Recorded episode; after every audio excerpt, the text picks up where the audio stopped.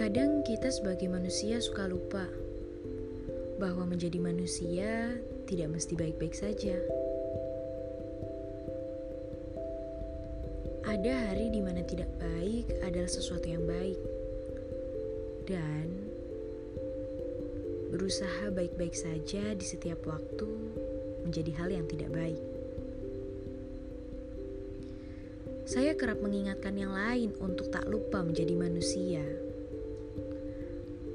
Bahwa tidak baik-baik saja itu tidak apa-apa. Saya bilang pada diri saya hal yang sama. Tapi nampak tak jarang ia tidak mau terima.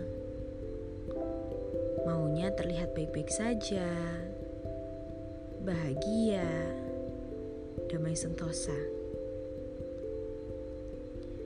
Saya juga mau jadi manusia. Sudah saya persilakan. Tapi dalihnya tidak apa-apa. Untuk tidak apa-apa yang lainnya. Orang bilang lepas bertukar cerita dengan saya, perasaannya lebih lega.